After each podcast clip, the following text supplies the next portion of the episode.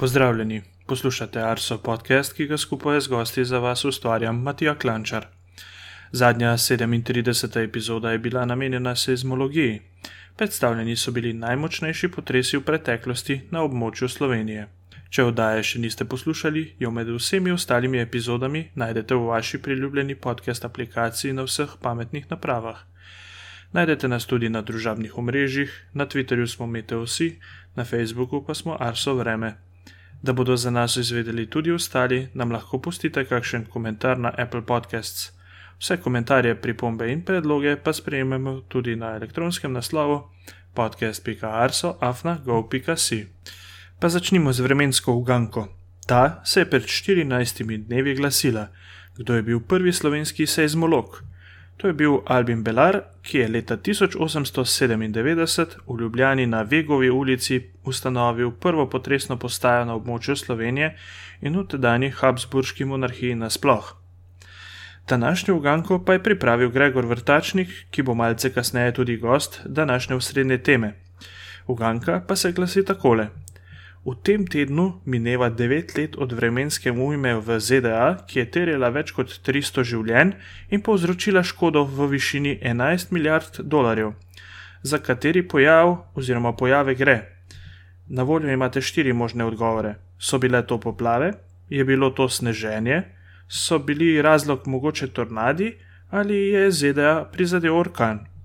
Odgovore nam lahko zapišete na Facebook, na Twitter ali pa jih pošljete na naš elektronski naslov podcast.arso.afnago.si. Selimo se k srednji temi, ki bo danes še posebej aktualna. V prvem delu bomo pregledali vremenske razmere letošnjega aprila, v drugem delu pa se bomo dotaknili trenutnih agrometeoroloških razmer. Z mano danes sta klimatolog Gregor Vrtačnik in agrometeorologinja Ana Žust. Na začetku bomo pogledali malce širšo sliko in pogledali, kakšen je letošnji april v svetovnem merilu.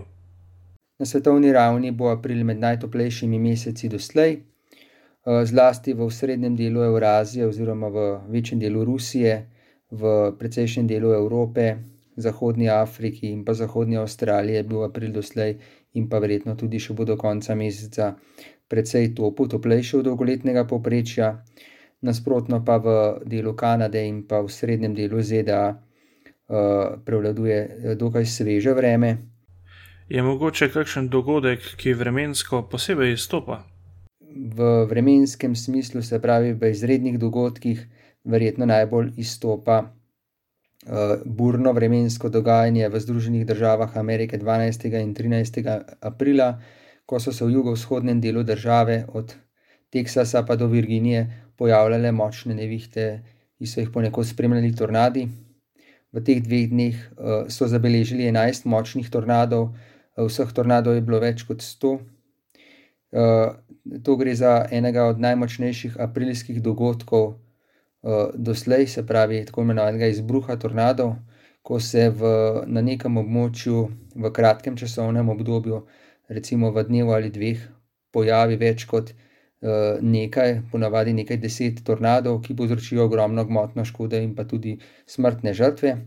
V tem zadnjem dogodku je bilo več kot 30 mrtvih, na stotine hiš je bilo uničenih, uh, zaradi tega, ker, je, ker so neurja dojala v sorazmerno nerazvitem jugovzhodnem delu ZDA, kjer uh, hiše so pravzaprav zelo slabo grajene za, za tornade, ne preseneča tolikšna uničevalna moč. Eh, zanimivo pa, da je eh, jugovzhodno od tega območja na Floridi bilo vreme precej bolj mirno, izredno toplo. Kaj pa je razlog za takšno močno neurje? Vzroka sta dva, glavni vzrok je prodor hladnega zraka iznad kanadskih prerij proti jugu, eh, in ta hladen zrak se je srečal z zelo toplim in vlažnim zrakom iznad Mehiškega zaliva. Eh, in to dvoje ustvarilo veliko nestabilnost ozračja in pa močno vetrovno striženje.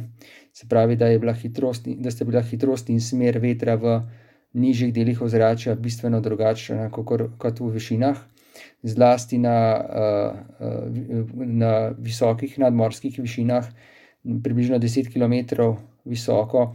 Je pihal zelo močan veter južne, oziroma jugozahodne, oziroma zahodne smeri, No, pri tem pa velja omeniti, da je verjetno svoje dodal k temu burnemu dogajanju tudi zelo topo Mehiški zaliv.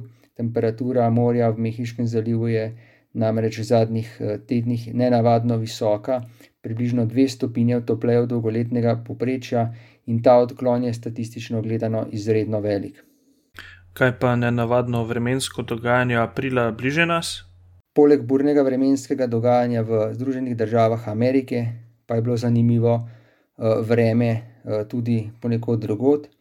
Uh, naprimer na Finskem smo imeli nenavadno, uh, nenavadne vremenske razmere tako na severu kot jugu, vendar v obrnenem uh, smislu in sicer uh, zima 2019-2020 je bila na skrajnem jugu države izredno slaba z snegom.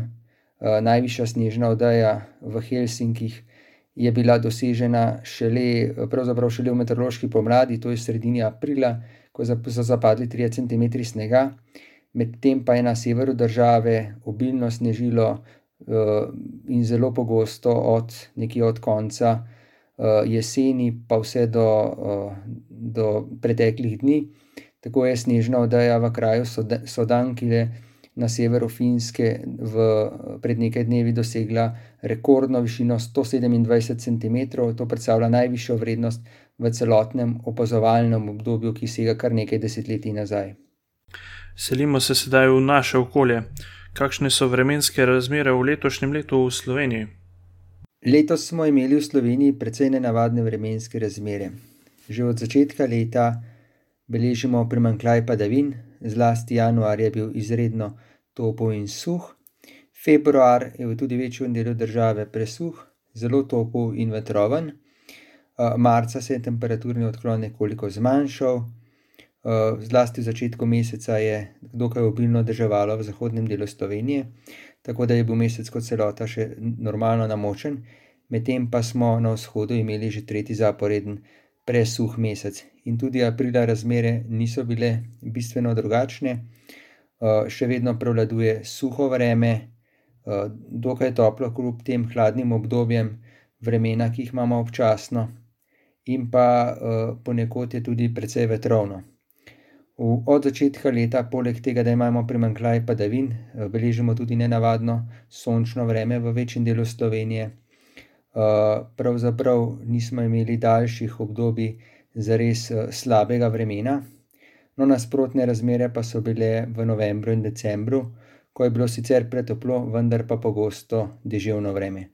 No in zaradi, zlasti zaradi primankljaja padavin, uh, uh, obilice sončnega vremena in pa precej visoke temperature zraka, imamo v sredini aprila precej sušne razmere ne samo z meteorološkega, ampak tudi z kmetijskega vidika.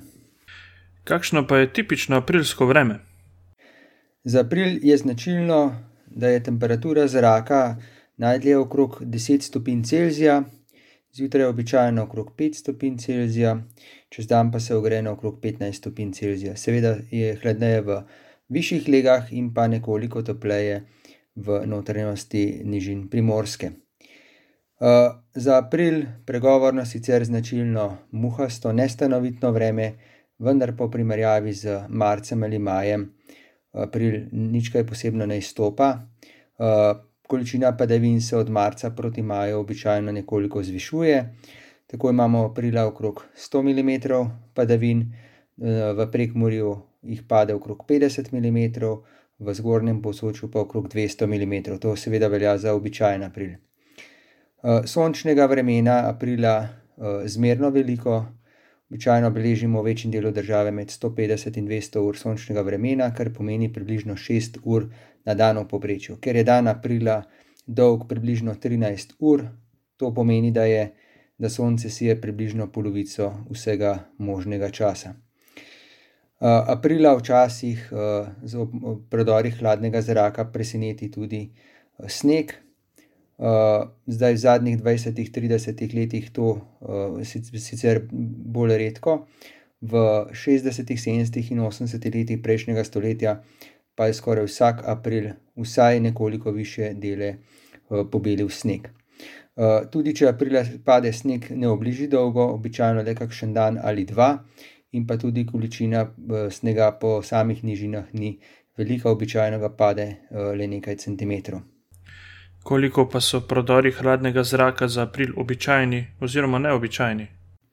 Prodori hladnega zraka aprila so uh, skoraj vsakoletni pojav, uh, kakšno leno, leto, recimo uh, v zelo toplem aprilih 2007 in 2018, v vsem mesecu ne beležimo nobenega, uh, nobene močnejše ohladitve oziroma prodora hladnega zraka. Običajno pa je vsaj v celem mesecu, v celem aprilu, vsaj en ali dva, uh, ena ali dve močnejši ohladitvi, včasih pa tudi več. Zanimivo leto 1997, ko je bilo vsaj v Visokogorju kar pet močnih ohladitev, eh, ponekod po nižinah tri, in pa podobno leta 1977, ko je bil april. Ne samo, da so bile ohladitve uh, zelo pogoste, ampak je bil tudi na splošno to zelo hladen april, z, tudi za obilico snega v višjih legah in pa tudi z močnejšo, močnejšo slano oziroma pozebo po nižinah. Kakšne pa so bile letošnje aprilske razmere do sedaj pri nas? Letos smo na prelomu iz marca v april imeli močno ohladitev, ki je zlasti 2. aprila postregla zelo nizko temperaturo zraka. Eh, po večini nižin je bilo nekaj stopinj pod ničlo, na to se je ogrelo, eh, sredi meseca pa je spet prišlo do močne ohladitve in takrat je bilo večinoma spet uh, zjutraj en dan ali dva pod ničlo, ponekod se je temperatura zraka spustila celo na okoli minus 5 stopinj Celzija. Uh, ob tem velja omeniti, da je pred tem zadnjim hladnim obdobjem bilo uh, nekaj dni zelo toplo vreme, in pa tudi temu hladnemu obdobju, se pravi okrog 15. aprila, tudi sledilo nekaj dnevno, uh, precej toplo vreme, zlasti v dnevnem času. No, sedaj se obeta, oziroma smo že v novi ohladitvi, ki pa bo počasi izvenela in pa ni tako izrazita, kot sta bili tisti sredi aprila in pa na prehodu iz marca v april. Kakšni pa so običajni aprilski temperaturni hodi? V poprečnem aprilskem dnevu je zjutraj temperatura zraka po nižinah okrog 5 stopinj Celzija, čez dan se segreje na okrog 15 stopinj, eh, v začetnih dneh aprila je običajno stopinjo ali dve hladneje, ob koncu aprila pa stopinjo ali dve topleje od teh vrednosti. Seveda, kadar imamo oblačno in deževno vreme, so razlike med jutrom in dnevom manjše, kadar imamo pa lepo, jasno vreme, pa so eh, razlike večje, občasno lahko dosežejo tudi 20 stopinj Celzija, v izjemnih primerih, v nekaterih krajih lahko celo nad 25 stopinj. To je primer, eh, takšni primeri so bili letos v nekaterih merilnih postajah in pa aprila 1968, ko smo naprimer po zelo svežem jutru s temperaturo okrog nič stopinj Celzija ali še malo pod ničlo, eh, potem čez dan imeli temperaturo tudi nad 20 stopinj Celzija. Selimo se sedaj na agrometeorološko področje. Gregor je omenil nizke temperature, ki smo jih imeli letos aprila. Kako pa te nizke temperature vplivajo na rastlinski svet? Temperaturno neravnovesje, kakršnem smo bili priča v pretekli zimi in zgodnji pomladi, ni ugodno za rastlinski svet. Rastline moti v obdobju mirovanja. Še posebno so bili letos na udaru ozimni posevki. Podatki fenološkega monitoringa ARSO kažejo, da so se rastline, ki označujejo fenološko predpomlad, letos prezgodaj prebudile. Naprimer, mali zvonček, leska, jevša in iva so zacvetele do mesec dni prezgodaj. Njihovo prezgodne cvetenje pa opozarja, da se tudi pri sadnih rastlinah dogajajo prezgodni, lahko bi rekli, notranji rastni premiki. Že v zadnji tretjini februarja so zacvetele marelice na primorskem, saj tri tedne prezgodaj, kmalo zatem tudi na toplejših legah v celinskem delu Slovenije. V prvi tretjini marca pa so iz primorske že poročali o cvetenju brezkev. Sadjari so bili ob tem upravičeno zaskrbljeni, kajti v občutljivih razvojnih fazah odpiranja sadnih cvetnih brstov se okvirno, okvirne kritične temperature za njihovo preživetje gibljajo od minus 3,5 stopinj Celzija v fenološki fazi balončka do minus 2 stopinji Celzija v fazi odprtega cveta, v fazi odsvetanja in mladih oplojenih plodičev pa so kritične temperature le malo pod ničlo. Še bolj občutljive pa so nekatere sadne vrste, ki se uveljavljajo tudi pri nas, naprimer kaki in aktinidija, in tudi mladi poganjki vinske trte, a te običajno prizadenejo pozne spomladanske pozebe. Spomladanske pozebe, ki jih po razsežnosti povzročene škode vrstimo med naravne nesreče, naredijo veliko gospodarsko škodo vrtičkarstvu, sadjarstvu, kmetijstvu in ostalim panogam. Tudi letos je bila povzročena ogromna gospodarska škoda, ki je v podobnem obsegu udarila že tretjič v preteklem desetletju. Dejansko škodo pa bodo sadjari in drugi lahko ocenili po končanem obdobju nizkih temperatur oziroma poleti ali pa ob obiranju. Vse skupaj se je začelo že pred dobrim mesecem dni. Nekaj škode je na Vipavskem povzročila že ohladitev 16. marca na zgodnjih Marelicah. Ob naslednjem valu ohladitev med 22. in 26. marcem je primorsko pred najhujšim rešila burja. Kljub temu je mraz na nižinskih legah prizadel Marelice in Breskve. Nizke temperature pa so ogrozile koščičasto sadno drevje tudi v drugih delih države.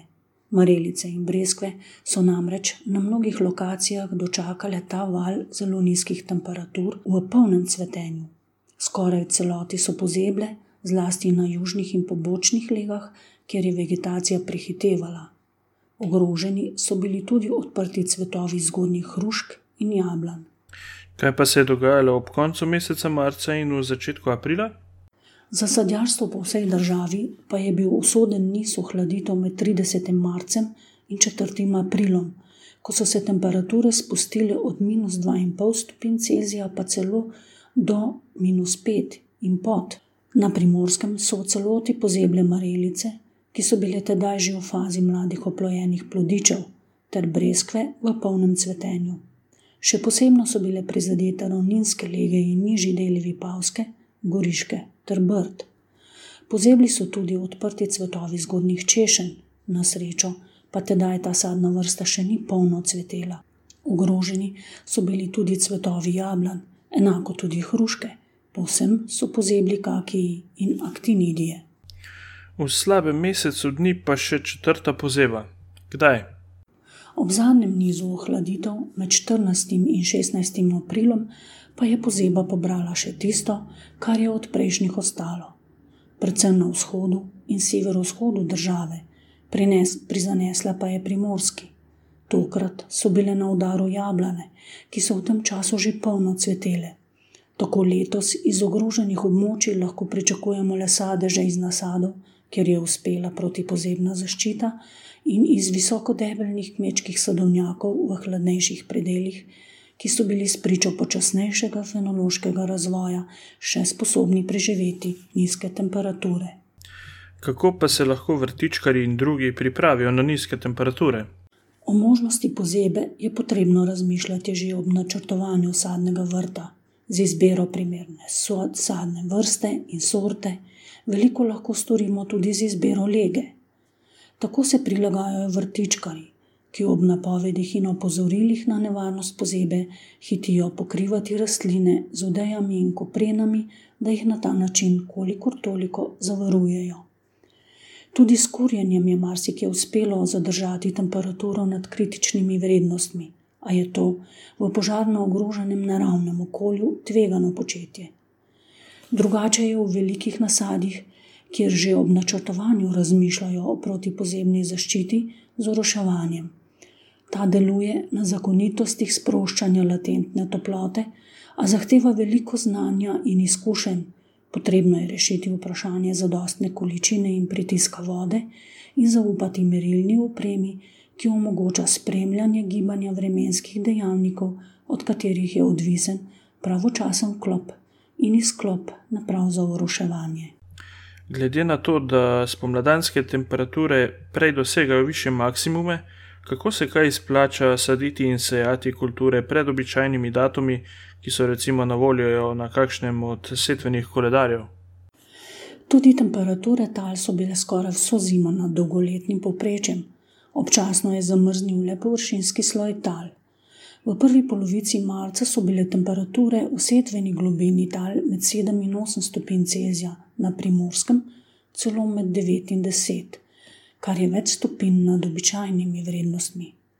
Ob koncu marca in v začetku aprila pa so se kmetijska tla v setveni globini znova ohladila, po noči pod 5 stopinj Celzija, čez dan so se ogrela le do okoli 10 stopinj Celzija. Vsaka rastlina oziroma njeno seme ima za kalitev in znik svoje toplotne zahteve. Številne tako rekoč naše zelenjadnice teoretično kalijo tudi pri razmeroma nizki temperaturi tal, a potrebujejo veliko časa za vznik, zato je nevarnost, da, bo, da bo seme strohnelo, velika. Če semena posajamo v primerni, optimalni temperaturi tal, skalijo že v nekaj dneh. Podobno velja tudi za polščine. Kropir sadimo, ko se tla ograjajo najmanj na 8 stopinj Celzija, koruza zahteva še toplejša tla, vsaj 15 stopinj Celzija. Glede na povprečje je to v drugi polovici aprila oziroma v začetku maja. Kot vidimo, je spremljivost temperature v zgodnji spomladi zelo velika, zato nas ne smejo zavesti prerano ogreta tla, kajti kasnejše ohladitve so za mlade rastlinice lahko usodne. Spomnimo se pred nekaj leti prerano posajanih bučin koruze, pozeba v zadnji tretjini aprila je tedaj mlade posevke povsem uničila. Hvala obema za izčrpne odgovore in obilo zanimivih informacij glede aktualnega vremenskega in agrometeorološkega dogajanja. Kaj vremenskega pa nas čaka v prihodnje, nam bo tudi tokrat zaupal prognostik Blaž Šter. Lep pozdrav. Ja, če je še pred tednom dni kazalo, da bomo morda dobili večjo pošiljko padavin, pa se srednjeročne napovedi niso povsem uresničile. V nedeljo nas je sicer prešla hladna fronta, ki je prinesla pooblačitve, nekaj več dežja pa je padlo le na severovzhodu Slovenije, v večjem delu Slovenije pa je bilo padavin malo ali pa posem nič. Zapihajo okrepljen veter vzhodnih smeri, na izpostavljenih delih v Vipavski dolini so sunki burje v torek dosegali hitrost tudi okrog 120 km/h. Ohladilo se je, temperatura se je spustila za okoli 10 stopinj. Kakšna je vremenska slika? Ta je nekako obrnjena glede na zimo in večji del pomladi. Nad severno Evropo je anticiklon, nad južno Evropo pa je več, več ciklonskih središč. Naši kraji so bolj pod vplivom suhih vetrov, čeprav v začetku tedna v višinah dotekal tudi bolj vlažen zrak. Ciklon, ki se bo pomikal po obali Severne Afrike, bo prenesel kar nekaj padavin krajem južneje od nas, njegov vpliv pa bo pri nas slabel. Naslednji dnevi bodo torej pri nas suhi. Ja, danes in jutri bomo še pod vplivom vzhodnega vetra, ki pa bo postopno slabel. V četrtek bo tudi na bure na primorskem le šipka, večinoma bo sončno. Postopno se bo segrelo, danes bo najvišja temperatura tudi v notranjosti blizu 20 stopinj, jutri pa bo še malo topleje, bo pa jutro bolj sveže. Večinoma bo tam okoli 3-4 stopinj, v hladnejših legah oziroma mraziščih na Gorenskem, Kočevskem in Notranskem pa bo blizu nič stopinj. Podobno temperaturo pričakujemo tudi v petek, morda bo še za kakšno stopinjo hladneje. Postopno toplitev pa pričakujemo v petek čez dan. Smer vetra se bo obrnila na jugozahod, v višinah pa bo začel dotekati toplejši zrak, po nižinah bo temperatura okoli 23 stopinj. Nekoliko bolj zanimivo dogajanje stališča morebitnih padavin nas čaka za vikend, ko se bo iznad severne Evrope proti jugovzhodu pomikala zaloga hladnega zraka. V aprilu, ko je sonce že dovolj močno, hladen zrak v višinah povzroči nastanek nestabilnosti in razvoj ploh. Res pa je, da sedaj ne kaže, da bi bile te ob koncu tedna posebej izrazite in da bodo nastajale posod po državi. Zagotovo bo konec tedna vsaj deloma sončen. Tudi začetek prihodnega tedna ne kaže bistvenih sprememb, bolj suho bo, kot mokro. Nad Evropo bo več središč s hladnim zrakom, napoved, kako bodo potovala, pa je za toliko dni vnaprej negotova. Spremljate naše napovedi. Za konec pa še vedno velja opozorilo, da je zlasti na primorskem velika požarna ogroženost naravnega okolja. Upa, upamo, da se do našega naslednjega javljanja razmere le spremenijo. Tudi tokrat pa bomo podcast zaključili z vremenskimi zanimivostmi od 6. pa do 19. aprila. Najvišja temperatura je bila izmerjena na postaji Dolenje pri Ajdovščini. 10. aprila smo izmerili 27,9 stopinj Celzija. Najnižjo temperaturo smo izmerili 14. aprila na postaji Kredarica. Temperatura se je spustila do minus 11,3 stopinje Celzija. Prav tako zelo mrzlo je bilo jutro 8. aprila, ko smo na postajah Nova Vas na Blokah in Babno polje izmerili minus 9,1 stopinje Celzija. Najhitrejši sunek vetra smo izmerili na postaji Podnanos. 14. aprila so sunki presegli hitrosti prek 100 km/h. Največ padavin v enem dnevu je v obdobju od 6. pa do 19. aprila padlo na postaji Boršt pri Goreni vasi. 15. aprila smo izmerili 16,7 mm padavin. Za konec pa še podatki o najbolj sončnih postajah. V celotnem obdobju 14 dni so največ sončnih ur zbrali na postaji Slavnik 160 ur in 59 minut. Najbolj sončen dan pa je bil 15. aprila, ko je na postaji Šebrelski vrh sonce sijalo 12 ur in 57 minut. Z vremenskimi zanimivostmi smo 38. epizodo Arso podcasta pripeljali do konca. Hvala vam, dragi poslušalci, za poslušanje in pozornost, ostanite zdravi in se slišimo čez 14 dni.